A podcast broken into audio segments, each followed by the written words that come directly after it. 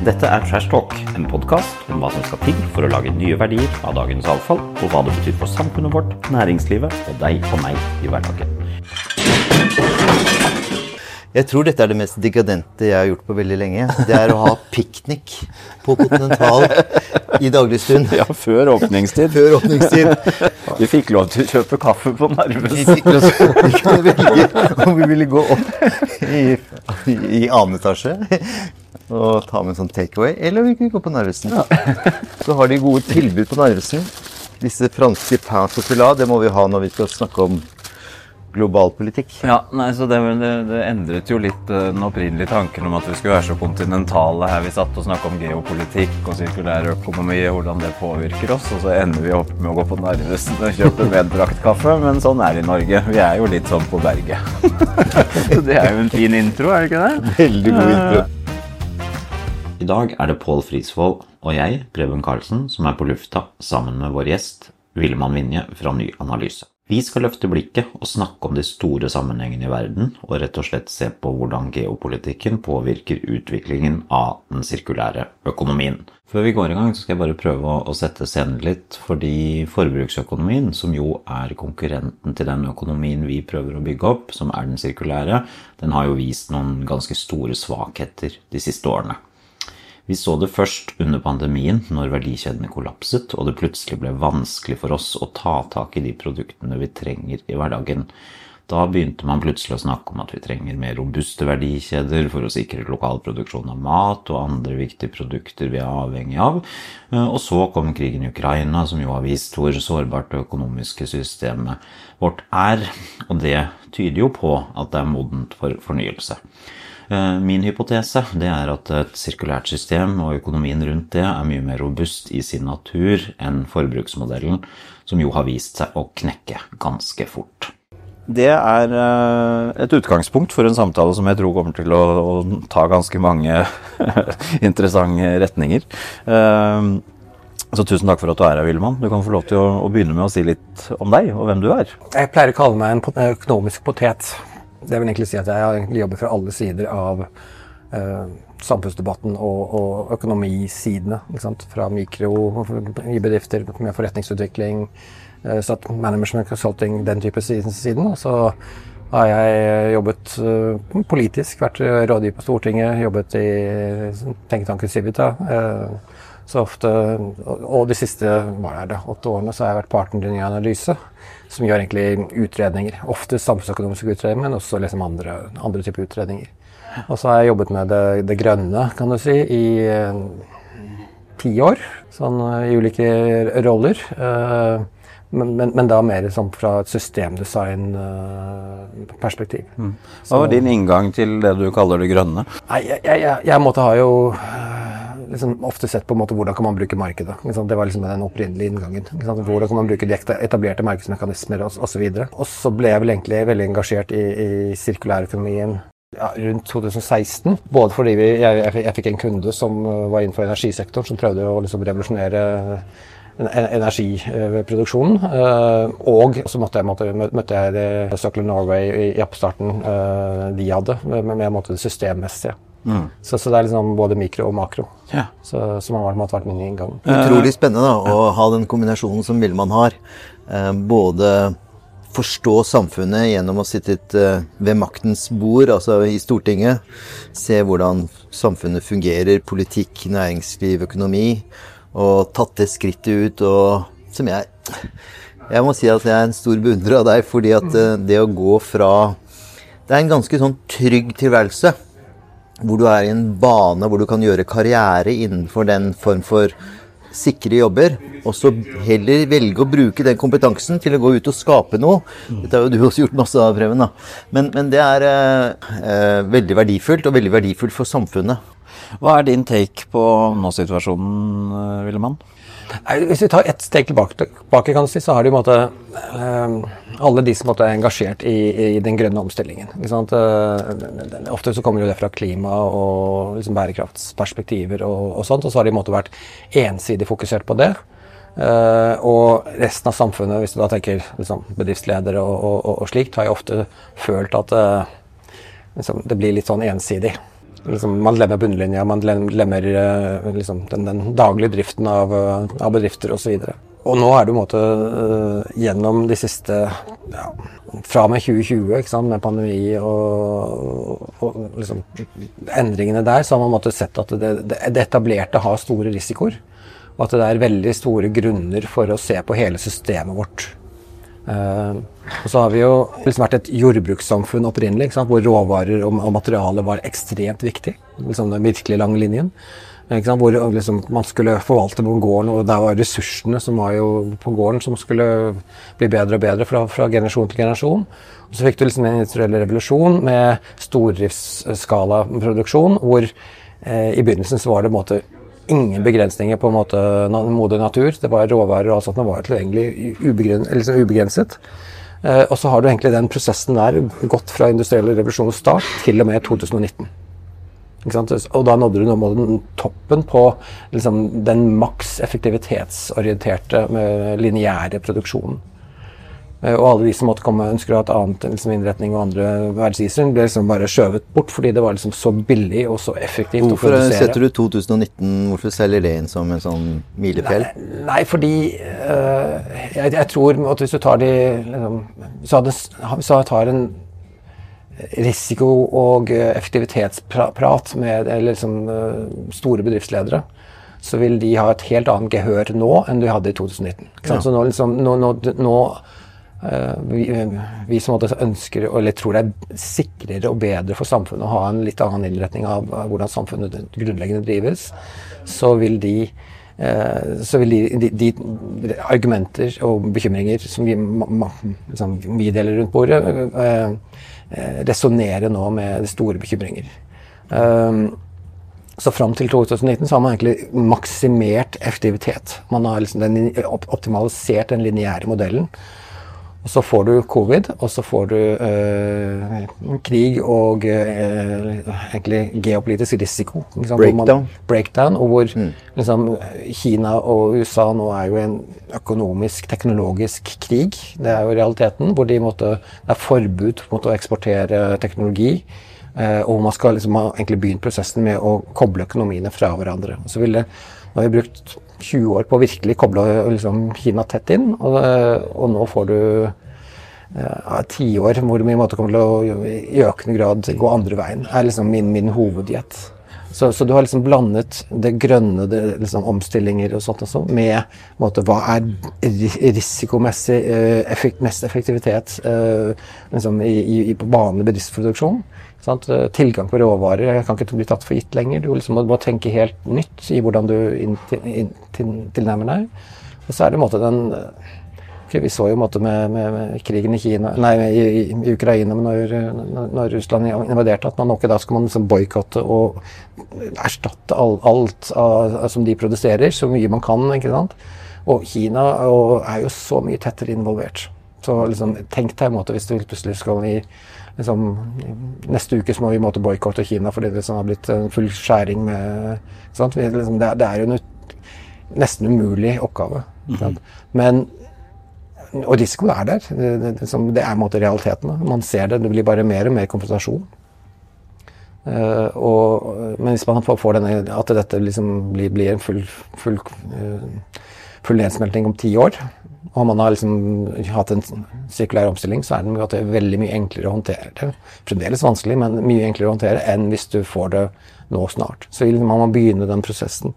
Uh, tror, så, så det er geopolitikk. Jeg tror Villmann er inne på noe veldig vesentlig og veldig riktig. Og hvis jeg kan uh, få lov å kanskje utfordre litt, eller si at Jeg tenker kanskje at året kan være 2016, for da var det to ting som skjedde, viktige mm. ting i verdenshistorien. Du hadde brexit, og du hadde Trump. Um, og det var begynnelsen på en sånn ny trend om at hele denne etterkrigsharmonien med den transatlantiske paraplyen og stabiliteten, den var nå i ferd med å bryte ned. Uh, og så har du fått disse rivaliseringene, og jeg ser det også fra Brussel-perspektiv. Mm. En helt annen, uh, et helt annen uh, vokabular og mye mer potent og mye mer Nå skal Europa ikke lenger la seg utnyttes. ikke sant? Og vi så det i forrige uke, von der Leyen som initierte en prosess mot kinesiske elbiler. Ikke pga. antidumping, som var tidligere, men pga. subsidier. Som er nesten helt både ja, det er, uh, det er, både lett og helt umulig å påvise. For det er jo bare et kinesisk system som er basert på subsidier. For er, alt er statlig. Uh, men for å komme tilbake til det, ta det videre, da, så, så vil jeg si at Kanskje vi skal ønske Trump velkommen tilbake til Det hvite hus. Uh, selv om uh, han uh, vil jo da selvfølgelig rote det til igjen. Men han startet noe som fikk oss til å tenke, og fikk oss til å endre atferd. Og det kommer han helt sikkert til å akselerere nå, hvis han kommer tilbake til Det hvite hus og fortsetter denne destruksjonen, eller du kaller det dekopling, eller avkopling, og det tror jeg er et riktig, ord. Larry Fink, som er leder for BlackRock, som er det største investeringsselskapet i verden, han sender jo Eh, årlig ut et sånt brev til alle lederne i selskapene de er med å eie. Eh, og han eh, hadde vel overskriften på det som var 'This is the end of globalization'. Så når man jobber med sirkularitet og, og kortreisthet, da, det er helt essensielt å få en kort avstand fra produksjon, reproduksjon, ombruk, reparasjonsprosessene til markedet. Og da, da blir det jo naturligvis en større avstand til Kina som verdens fabrikk. ikke sant? Og, og Pål, du som har jobbet så, så mye med EU. Eh, altså Hvor viktig er det perspektivet i eh, hele sirkulærstrategien til, til, EU? Ja, altså På den ene siden så er jo EU veldig opptatt av at man skal videreføre og bevare det multinasjonale samarbeidet. For tross alt så har jo det gitt oss ja, stabilitet og en mm. form for rettferdighet. Uh, så kan man si at det har funket veldig dårlig på mange områder, men globalt sett så har, har det det. Um, på den annen side så ser man at hvis det er bare én region eller ett område som står ved de prinsippene, og de andre partnerne eh, tar seg vilt frem, eh, så er ikke dette mulig lenger. Og det der er en balanse, og det er derfor du ser at eh, Europa nå Jeg kan nevne to eksempler. Altså denne karbontollen det var helt eh, Det var helt utopisk bare for eh, ti år siden. Eh, og nå er det en realitet. Og vi kommer til å få masse rettssaker både fra Beijing og Washington og Moskva, helt sikkert. Men jeg tror den står knallstøtt. Fordi at en karbonskatt vil gjøre at det som er produsert innenfor Europa, med de karbonbegrensningene som vi har her, det skal ikke ødelegges av de som ikke er villige til å spille ved, med spillereglene og, og, og, være med på å ta denne jeg skal ikke bruke ordet dugnad, men denne kampen mot klimaendringer. Eh, Norge oppi dette, eh, hvor står vi? Nei, liksom, det, det, det, er jo klart at måte, det gamle systemet har jo hatt mye press. Det er mye friksjon og, og brexit og den, den type liksom, uroligheter, kan du si, politisk. Eh, liksom, blue collar worker, arbeidere og, og sånt som måtte eh, sakket akterut eh, lønnsmessig. Og, liksom, det har vært mye press som måtte, har, har, ligget der. Men hvis man tenker seg måte, på hva var måte, det man sa når covid holdt på Jo, det var at vi skulle tilbake til det systemet som var før. Så ja, det er en måte, uroligheter, men liksom systemet måtte var lineær verdenshandel. Eh, ultraglobal uh, flytting av, av, varer og tjenester og råvarer, og så liksom, for produksjon av, liksom, i Vesten. Uh, men med krigen så er man jo egentlig kommet dit at uh, man erkjenner at man skal ikke tilbake til verden sånn som den var liksom, fram til 2019. Så, vi, så, så det er man, man, ser at man må over i et nytt system. Liksom man må tenke nye tanker. Og det er en revolusjonerende posisjon, fordi så lenge du måtte egentlig Alle liksom, liksom beslutningstakere måtte tenke nei, nei liksom, vi har et system, og det, måtte finnes en plass innenfor dette systemet. Eh, så, så har du en måte å tenke på, men med en gang du begynner å tenke at nå er vi over i noe fundamentalt nytt, og ingen egentlig helt vet det, uh, Nå syns jeg det er en altfor stor pris å skulle betale å få Trump tilbake i, i, i styrende posisjon. Uh, fordi, jeg støtter deg der. uh, og, og, hvis du tenker ut fra liksom en risikoreduksjonstilnærming, så er måte, han er jo uh, Han er for mye risiko for verden til å tåle. Sant? så men, men, så, så, og, og, allerede, og, den effekten han hadde i første periode, er jo allerede Vi kan ikke ta for gitt at måte, Nato består. ikke sant? Så Europa har jo innsett at det plutselig Det er ikke bare fordi USA ønsker at de skal øke forsvarsbudsjettene våre at vi gjør det. Vi skjønner at vi er over i en annen verden, så da må, måtte, kommer til å bli større bevilgninger i, liksom, i vår evne til å forsvare våre egne grenser. Eh, men, men dette påvirker bedrifter, det påvirker alle.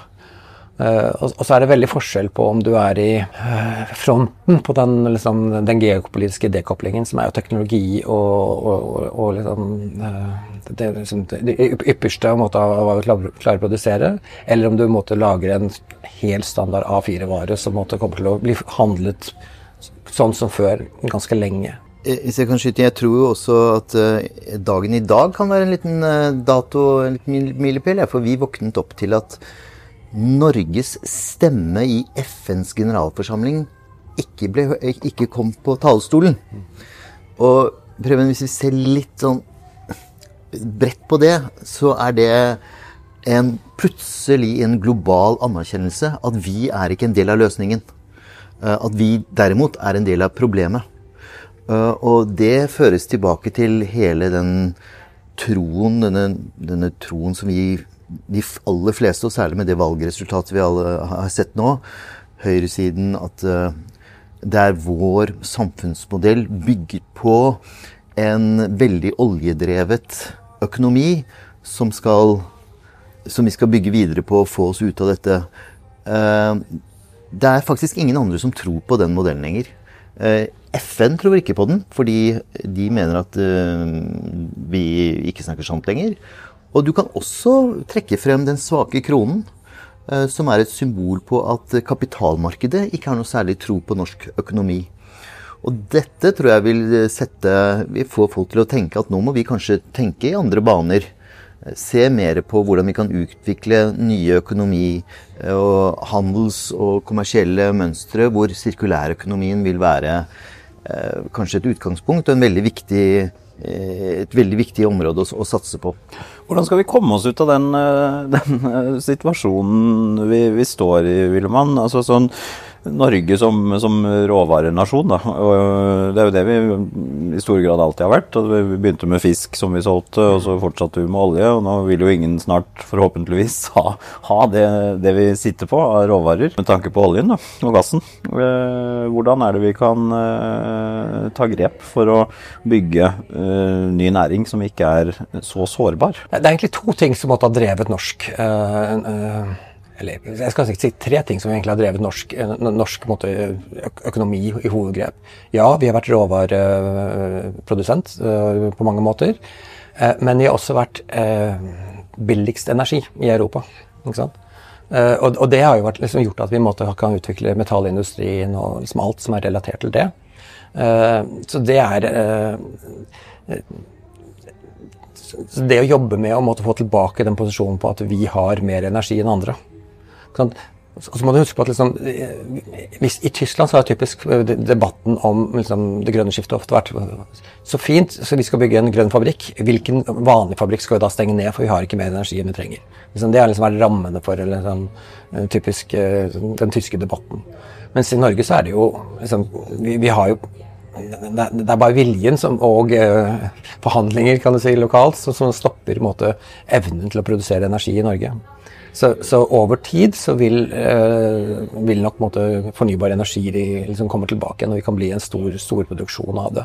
Men vil man vil jo ikke si at denne eh, utrolig privilegerte situasjonen som Norge har vært i, med billig og massiv grønn kraft eh, Det vi ser nå, er det kanskje at det har vært en sovepute? For det virker som at norsk industri ikke er konkurransedyktig uten å ha en billig innsatsfaktor. Mens eh, det er jo ikke sant. Vi har jo veldig høyt kompetansenivå. Veldig avansert, sofistikert eh, industri. Eh, og hvorfor kan ikke den konkurrere på samme vilkår som sine europeiske konkurren konkurrenter eh, når det gjelder kraftprisen. Ja. Og, det, og det er jeg helt enig i. Vi har en kjempestor kompetanse. Og det er egentlig relatert til den tredje konkurransefaktoren vår, og det er egentlig at vi har ganske lav, eller lik sammenpresset lønnsstruktur. Eh, som egentlig gjør, eller eh, sentraliserte forhandlinger som fungerer stort sett veldig godt. Som gjør måte, at eh, kompetent arbeidskraft, høyutdannede ingeniører osv. er veldig billig i Norge sammenlignet med de aller fleste land. Kinesiske ingeniører er dyrere oftest enn norske ingeniører. Fordi du har, Og det er jo typisk veldig mange steder. Måte at Har du kompetanse, så får du betalt for det. Mens fordi vi har det lønnssystemet vi har i Norge, så får ikke de som måte, har spesialkompetanse, får ikke betalt for det på samme måte. Og det gjør at landet sådan kan høste en fordel av sammenpresset, liksom, koordinert lønnsstruktur. Og jeg er positiv til hovedtrekkene. Eh, men, men eh, så, så, det gjør at vi sitter på en kompetansebase. Det var interessant. Uh, ja. Det var veldig interessant. Det har ikke jeg hørt før. Nei, det er en, det er en kompetansebase i, de, i, denne perioden. For å konkurrere så må man ha noen hoveddrivere, hovedfaktorer, som gjør at man har, måte, skiller seg ut. Og jeg vil jo tro at det å, det å få tilbake ledelsen også på energi og det er ikke det at man nødvendigvis må ha samme fordel som man kanskje har hatt før, men liksom det å gradvis gå tilbake. da. Liksom, å, bygge, å, bygge, seg opp den, den, den uh, situasjonen igjen, det, det, vil lønne seg. Det er jo et politisk valg egentlig hvordan, uh, hvilken strømpris man skal, grunnleggende skal ha. For vi har jo hatt mer strømproduksjon enn man har, har hatt i andre land. Uh, og, og, og, og, mer enn vi har behov for vi har hatt i, i, i, Norge. Og så har man da liksom, hatt begrenset leveransekapasitet, og, så, og, da har liksom blitt strømmen blitt billig i Norge. Og så har man da valgt å gi industrikontakter som har vært enda billigere ikke sant, enn det forbrukeren flest har, og så har man liksom bygd industri rundt det. Og Da får man ringvirkninger og alle de uh, fordelene det gir. Hvis man ser på, ser på billig energi som en, en konkurransefaktor for norsk næringsliv så har det jo en del å si hva man bruker den energien til også. Uh, nå er man jo ganske, uh, eh, syns jeg, litt sånn rause med, med, med, det vi har i forhold til uh, altså, uh, TikTok sine datasentre og, og, den type ting. Er det noe man bør, bør og kan styre i større grad? Man kan absolutt. Det er et politisk valg. Ja. Eh, men man måtte ha et system som er rettferdig og forutsigbart.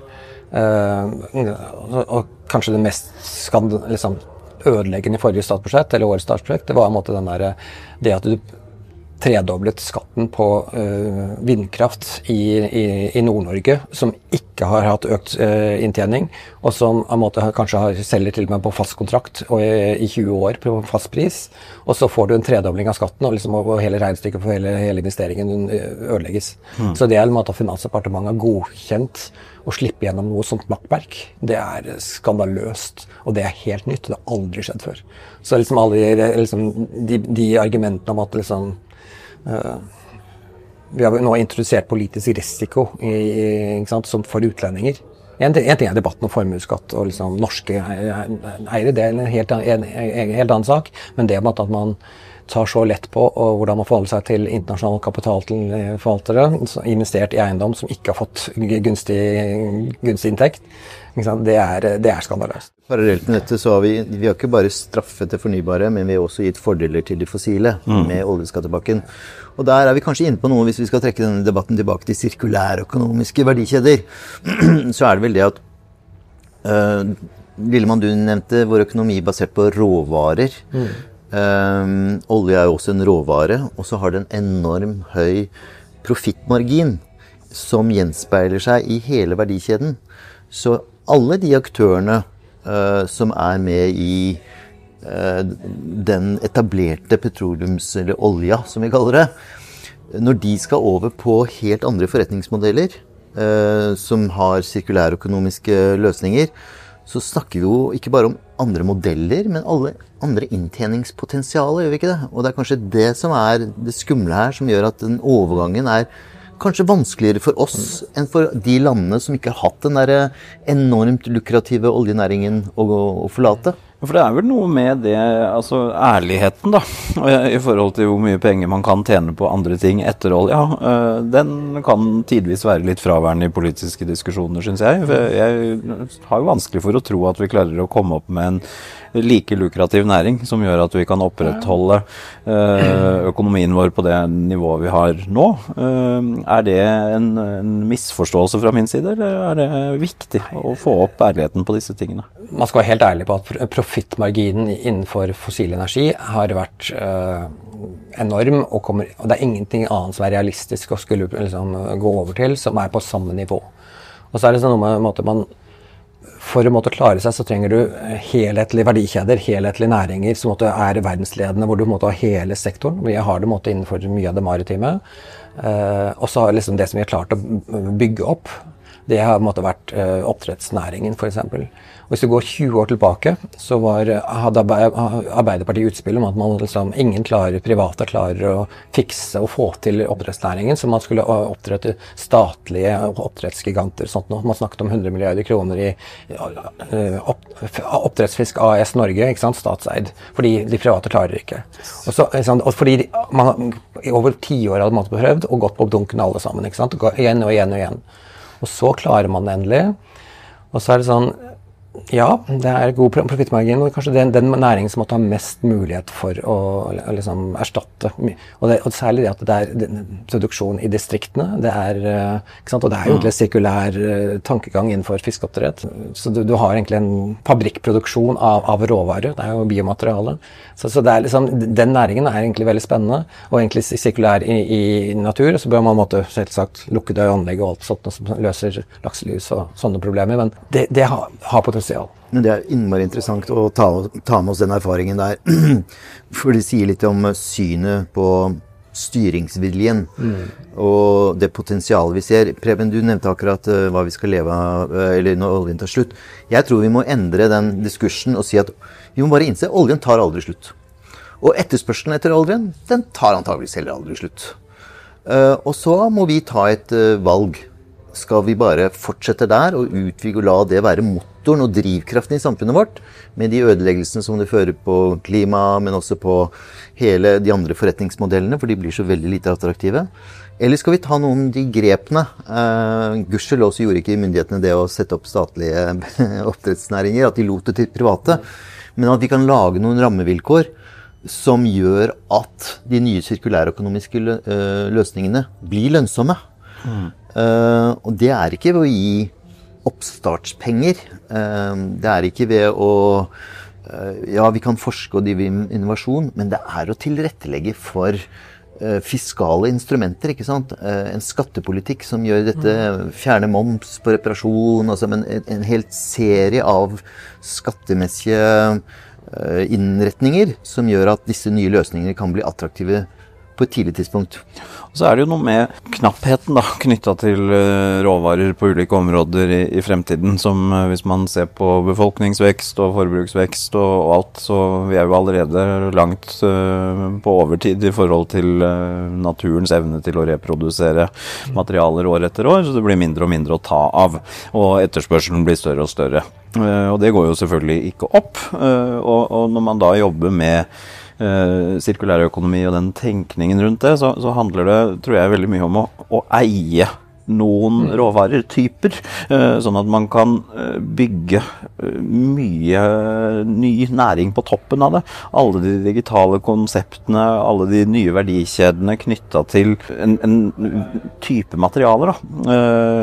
Og det er en tenkning som jeg opplever er ganske sånn fraværende i, i Norge, i hvert fall. Jeg har jobbet mye med tekstilnæringen, f.eks., hvor man ser at Finland og Sverige og andre de bygger jo svære uh, resirkuleringsanlegg uh, for polyester, for bomull, for forskjellige typer materialer. Og det åpner jo for en mylder av oppstartsbedrifter og nye forretningsmodeller på toppen av det.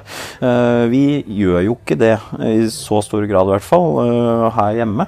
Eh, og hvordan skal vi få fart på det? Altså, man skjønner at den som eier materialene, den eier også innovasjonsmuligheten det muliggjør. Hvis man tenker på den lineære økonomien, så er det en måte Det er jo enormt arbeidsinnsats for å skape råvarene i første runde. Men sånn, av alt vi produserer, så skjer det mesteparten av den arbeidsinnsatsen i andre land. Så den er usynlig. Og så skjer den jo ofte da hos Det er jo ikke alle som har kanskje veldig god lønn, kan si, sånn mildt sagt. Så noen har jo forferdelige arbeidsforhold, mm. slavelignende forhold, og andre har uh, grei lønn, men det, var liksom, det varierer litt. Men, men liksom, mye av den råvareproduksjonen skjer jo sånn, der ute. Og, og, og, så kommer man da liksom med forbruket, og, og produktet kommer til Norge. Og en modell hvor du egentlig snur på hele prosessen. hvor det, ja, det krever da litt ny, litt mer arbeidsinnsats i det å ta gamle, liksom, ferdige produkter og, og gjenbruke det, finne, få det inn i rollen, det skaper øh, noen kostnader som man nå ikke har i en lineær økonomi. Men når du på en måte får effektivitet i det, for nå har vi brukt 200 år på å få det gamle systemet mest mulig effektivt, så liksom hvis du på en måte bare tenker ok, liksom, la dette systemet gå litt, så vil jo egentlig det å måtte ikke måtte skape råvarene på nytt gi en kjempegevinst Uh, så, så, så, økonomisk sett så, så er egentlig sirkulærøkonomi billigere. Er, man, man, kan ha en leve, høyere levestandard med en velfungerende sirkulærøkonomisk modell enn man har med en velfungerende lineær modell.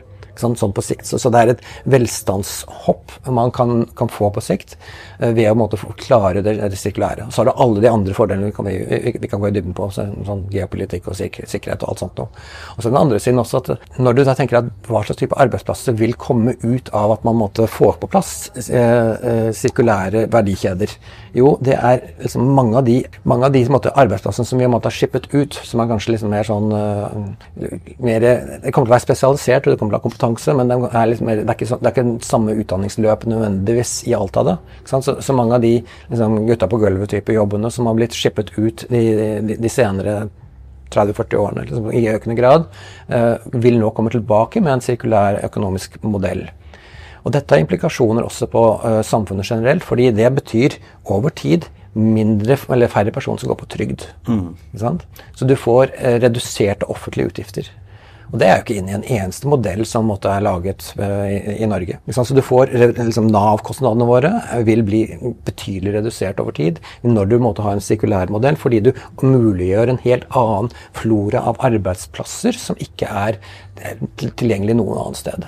Det perspektivet prøvde jeg å ta opp eh, under Arendalsuka i en debatt med, med Sveinung Rotevatn og Ingrid Liland. Uh, for, jeg er hele tiden ute etter å finne ut av hvordan kan man få politikerne til å begynne å, å vinne valg på sirkulærøkonomi. Jeg har gitt opp at material, uh, materialer er noe som det treffer ikke hjertene til folk, dessverre. Men kanskje mennesker i utenforskap uh, mm. gjør det i en større grad. Det er et kjempeinteressant poeng, syns jeg. Jeg har jobbet mye med liksom, grunnlag i perspektivmeldinger og, og og, slikt. ikke sant? Mm. Jeg, jeg krangla med, med ja, de sentrale måte, forfatterne av grunnlagsmodellene. og liksom, eh, For mye av forutsetningene ofte i de tidligere perspektivmeldingene, og dels også fremdeles, er feil. De er urealistiske. Så, så, liksom, så jo mer realistiske forutsetninger og måte, eh, dynamiske forutsetninger man kan få inn i disse eh, analysene som egentlig legger grunnlag for all offentlig debatt, sånn i de langsiktige offentlige debattene, så er det ønsket. Så jo, det, det, dette bør, bør, man bore i. Det bør egentlig ha en egen offentlig utredning som ser på, en måte på muligheter på det.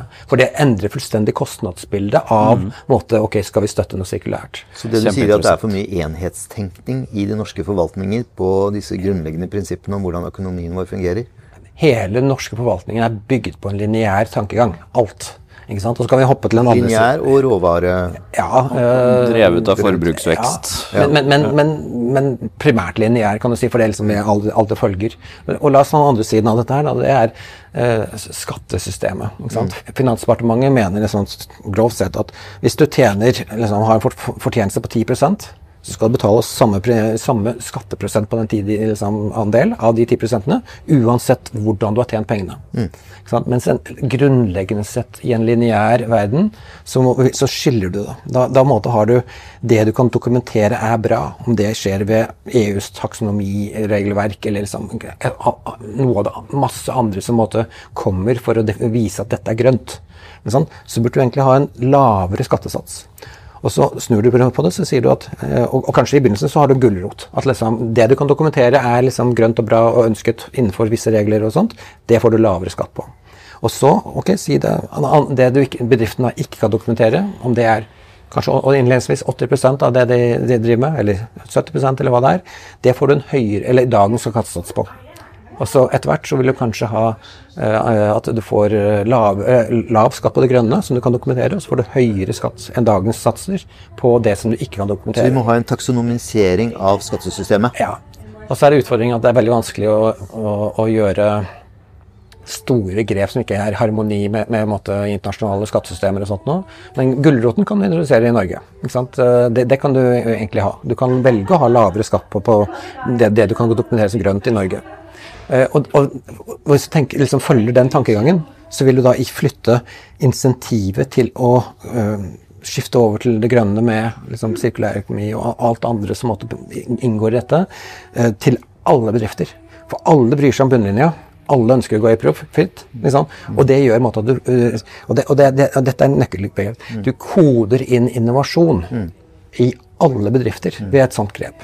Så du, mm. Og du får veldig mye mer innovasjon, aktivitet og, og slikt Eh, ved, måte, ved, liksom, så, sånne grep, som igjen i seg selv per definisjon løfter liksom, levestandarden og, og, og, og, slikt, og konkurransekraften. Så hvilke, man, hvilke, krefter har vi i samfunnet som kan skyve disse tankene inn i det politiske landskapet? Eh, fordi vi ser at som et lite homogent samfunn, så er det noen sterke Vi har snakket i forrige episode om landbruket, om skipsfarten, om oljen, om oppdrettsnæringen. Jeg vil påstå en ting, at kanskje er det rederiene som kan være vår beste venn. Jeg skal forklare hvorfor veldig kort. For rederiene har hatt siden 1997 en utrolig privilegert situasjon at de ikke betaler skatt. De betaler bare en avgift.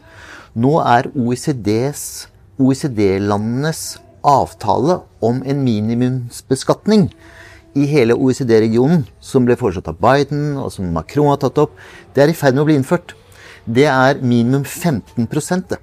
Og det vil si at rederiskatningen vil ikke kunne få unntak fra Så de må begynne å betale 15% Og da tror jeg at du vil se en mye mer innovativ tenkning fra denne store bastodonten i norsk samfunnspolitikk, eh, nemlig Norges Rederiforbund, som har en enorm lobbykraft. Og hvis de ser at nå må de finne løsninger insentiver for å betale mindre skatt med grønne løsninger, fordi at den der komfortable tonnasjeskatten ikke holder lenger, så vil de kanskje være med og være en viktig alliert i å dytte frem disse prinsippene.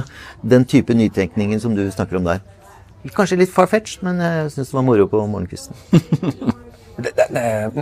den maritime sektoren og rederiene og sånt, det er en utrolig innovativ og ja, viktig eh, sektor fra før. Ja, også med det eksisterende, og, og, det, og, det, går også på at måten de konkurrerer eh, er et evig kappløp. Fordi Norge er jo ikke billigst, ikke men vi har pleid å måtte være, konkurrere på å være best. Så, så det, det, man, liksom det norske verft produserer, blir typisk kopiert i Asia åtte år, ti år etterpå. Så man vet at man, liksom, man må hele tiden ligge eh, to hestehoder foran for å liksom holde uh, tritt, tritt. Og rederiene har ofte vært de som har vært drivkraften for uh, liksom for, komme med forslag og hva er det mulig og, og, og sånt. Så det, det, økosystemet vi har rundt rederiene og den maritime sektoren er en Eh, er eksplosiv. Og hvis man klarer også å legge økonomi, liksom, insentiver som styrker det grønne, sånn, så, så, vil de, den dynamikken løfte seg enda mer. En reduksjon av den soveputen som rederibeskatningen har vært, vil kanskje bidra til det? Det kan godt være. Jeg håper du har rett i at måte, du får den effekten. Men vi har måte, ikke eh, tid til å, å, vente på at det er kun liksom, rederienes næring som skal, som skal drive eh, Nei, men de er så viktig drivkraft i ja, samfunnet for å løfte det, frem nye politiske konsepter. For de er så velsmurte i sitt lobbymaskineri. Ja. Og det er viktig for denne lille andedammen som vi har eh, på andre siden av gaten her. Men samtidig så, har jeg også, også tro på liksom, de vanlige politiske prosessene med liksom, utredninger og slikt. Og det høres jo liksom uh, uh, det er mange som er utålmodige og liksom, nei, vi har ikke tid til å eller utrede og sånt, men dette er jo, man må kjøre mange parallelle løp. Man må gi gode initiativer innenfor dagens systemer. Det er forskning, og det er hvordan man innretter virkemiddelapparatet osv. Liksom alle sånne typer grep. Og man kan gjøre eksperimenter med, med skatt og liksom, gi, liksom, lokale forhold som man kan ta tak i. Men parallelt så må du måtte uh, utvikle hvordan byråkratiet uh, liksom, da tenkte jeg liksom, Hvordan SSB, hvordan Finansdepartementet modellerer og lager. Og, og der er det gi oppdrag. og Det er mye innovasjon og forskning som må til for å få egentlig de lineære modellene over i en eh, sirkulær innretning, hvor du egentlig tar med de sirkulære, dynamiske vekst- og innovasjonsaspektene. Nå, hører jeg, ja. Eh, du har rett i det, men la meg bare skyte inn. Nå hører jeg Katrine Barth komme inn her og si, som hun ikke er her, eh, men at hun sier at eh, vi kan ikke vente på den 32. rapporten Må vi ha en utredning barriere, på alt? Må vi ha en utredning til. Der, du har selvfølgelig helt rett, men, men hva med lederskap? Altså, hvor er det nødvendige lederskapet for å drive disse endringene? Det, det, det jeg måte, savner mest, er måtte, at du får en en nasjonal politisk uh, lederskap. Fordi Ser du kontrastene til, til hvordan Nederland tilnærmet deg, hvor du måtte egentlig si liksom, dette er målet, vi skal være der om liksom, x antall år. og liksom, Nå har du marsjordre, løp, ikke sant. Tenk hvordan liksom, alt fra byråkratiet og alle liksom, kan tenke. Altså, liksom, Sirkulærøkonomi i den revolusjonen vi skal gjennom, er egentlig en matrisereform. Det er vanskelig nok å drive innovasjon innenfor én sektor, én liksom, verdikjede, ett måte, siloløp. Og det er jo alt, det meste som skjer i Norge, er jo innenfor disse siloene. Det er sånn offentlige penger kommer, det er sånn offentlig sektoren fungerer, det er sånn måte bedriften ofte er, fordi vi er denne bransjen, og sånn er vi. Og det store potensialet for sirkulærøkonomi er jo den matrisen hvor du begynner å få uh, fordeler med av, liksom, søppel i én næring er innsatsfaktoren i en annen næring osv. Og, så og liksom du kobler liksom, økonomien på, på, på, tvers. Og det er jo utrolig komplekst fra før av å skulle drive innovasjon og, og endring. Og, og, det å skulle liksom drive på tvers på den måten her, er ut, enda mer vanskelig. Så det vi fullstendig mangler i dagens liksom, virkemiddelapparat og, og, slikt, er egentlig fasilitatorer som, som tilrettelegger for tverrindustriell, tverrnæringskontakt og liksom innovasjon på, på tvers.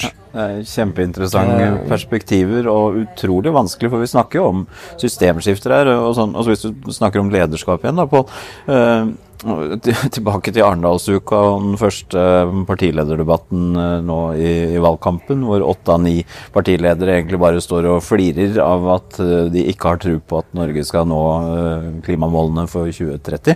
En enorm skandale, spør du meg, at, at de viktigste lederne vi har her til lands, ikke tror at vi skal nå de viktigste målene vi har satt oss, omtrent. Så det er klart at noe må gjøres der, men, men, men når de snakker om klimautslipp, så engasjerer de ikke ikke lenger, ikke sant? på samme måte. Når ekstremværet kommer nærmere, så engasjerer det litt mer. Men det er noe interessant å prøve å lete etter andre argumenter. altså Arbeidsinkludering, som du nevnte i stad, er ett argument. Kanskje sikkerhetspolitikk uh, er et annet. Uh, hva tror du om det?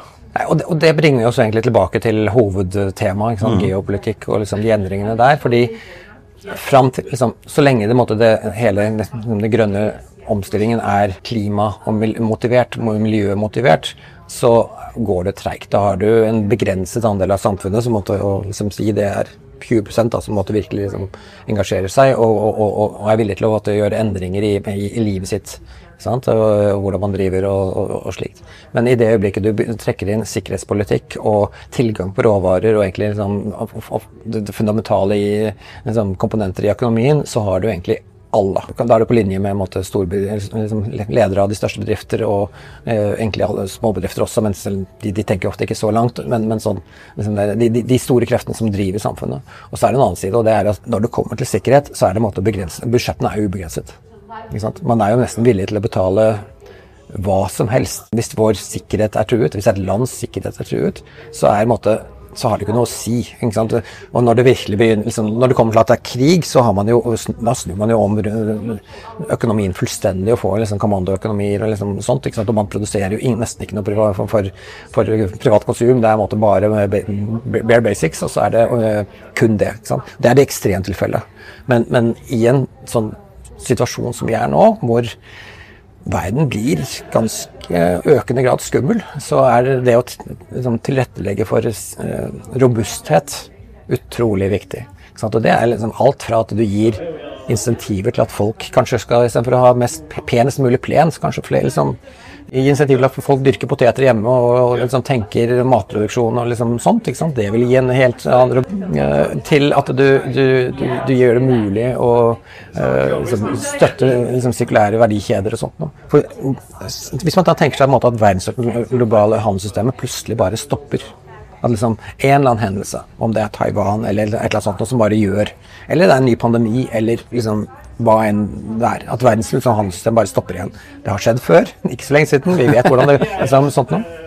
Eh, og, og, og, man er i en situasjon hvor det er langsiktig. Dette er liksom, kommer til å vare over mange år. Dette er ikke en måte på en vaksine, og så er vi på i gang igjen. Da må man eh, fundamentalt tenke nytt. Og hvis man da innretter økonomien, sier at liksom, 60% eller i økende grad liksom, Man begynner på 20% 30% 40% og så i økende grad så, så, har man sirkulære verdikjeder hvor man egentlig har råvarene man trenger til å holde industrien gående. Og eh, en, en, annen sentral element av sirkulærøkonomi er at den er lokal og regional. Mens den lineære økonomien er global man frakter råvarer og alt over hele verden og setter det sammen, og så liksom har markedet eh, globalt, eller ofte i Vesten. Så er måte, sirkulær eh, verdikjeder av natur lokale og regionale. Det vil si at mye som måtte nå produseres i Asia, vil kanskje bli produsert i Sverige og i Polen og liksom sånt noe, eller på Hedmarken og i Nordland eller liksom sånt. Altså, så det å liksom legge til rette for dette gjør at man uh, både får innovasjon og aktiviteten lokalt, man får nye typer arbeidsplasser lokalt, og man får uh, en robusthet dersom ting stopper opp. Hadde vi fått liksom pandemien på nytt, så hadde det måte vært mye enklere å holde ting i gang. Eh, Istedenfor at vi må vente på neste båt som kommer fra Kina. Vi vet ikke helt når den kommer, fordi liksom, eh, Kina har stengt ned. Hvis man da i tillegg får på et skattesystem som fungerer skikkelig, så blir det lønnsomt for bedriftene eh, og bedre for miljøet. Så dette må jo være en eh, fin vinn-vinn. Det er en fin vinn-vinn, fordi og det er måten å, å, løfte levestandarden på over tid. For du, både får inn, du, du koder inn innovasjon grunnleggende sett i, i, i bedriften. Og så får, får du og vrir aktivitetene sånn liksom til en mer eh, ressurseffektivitet.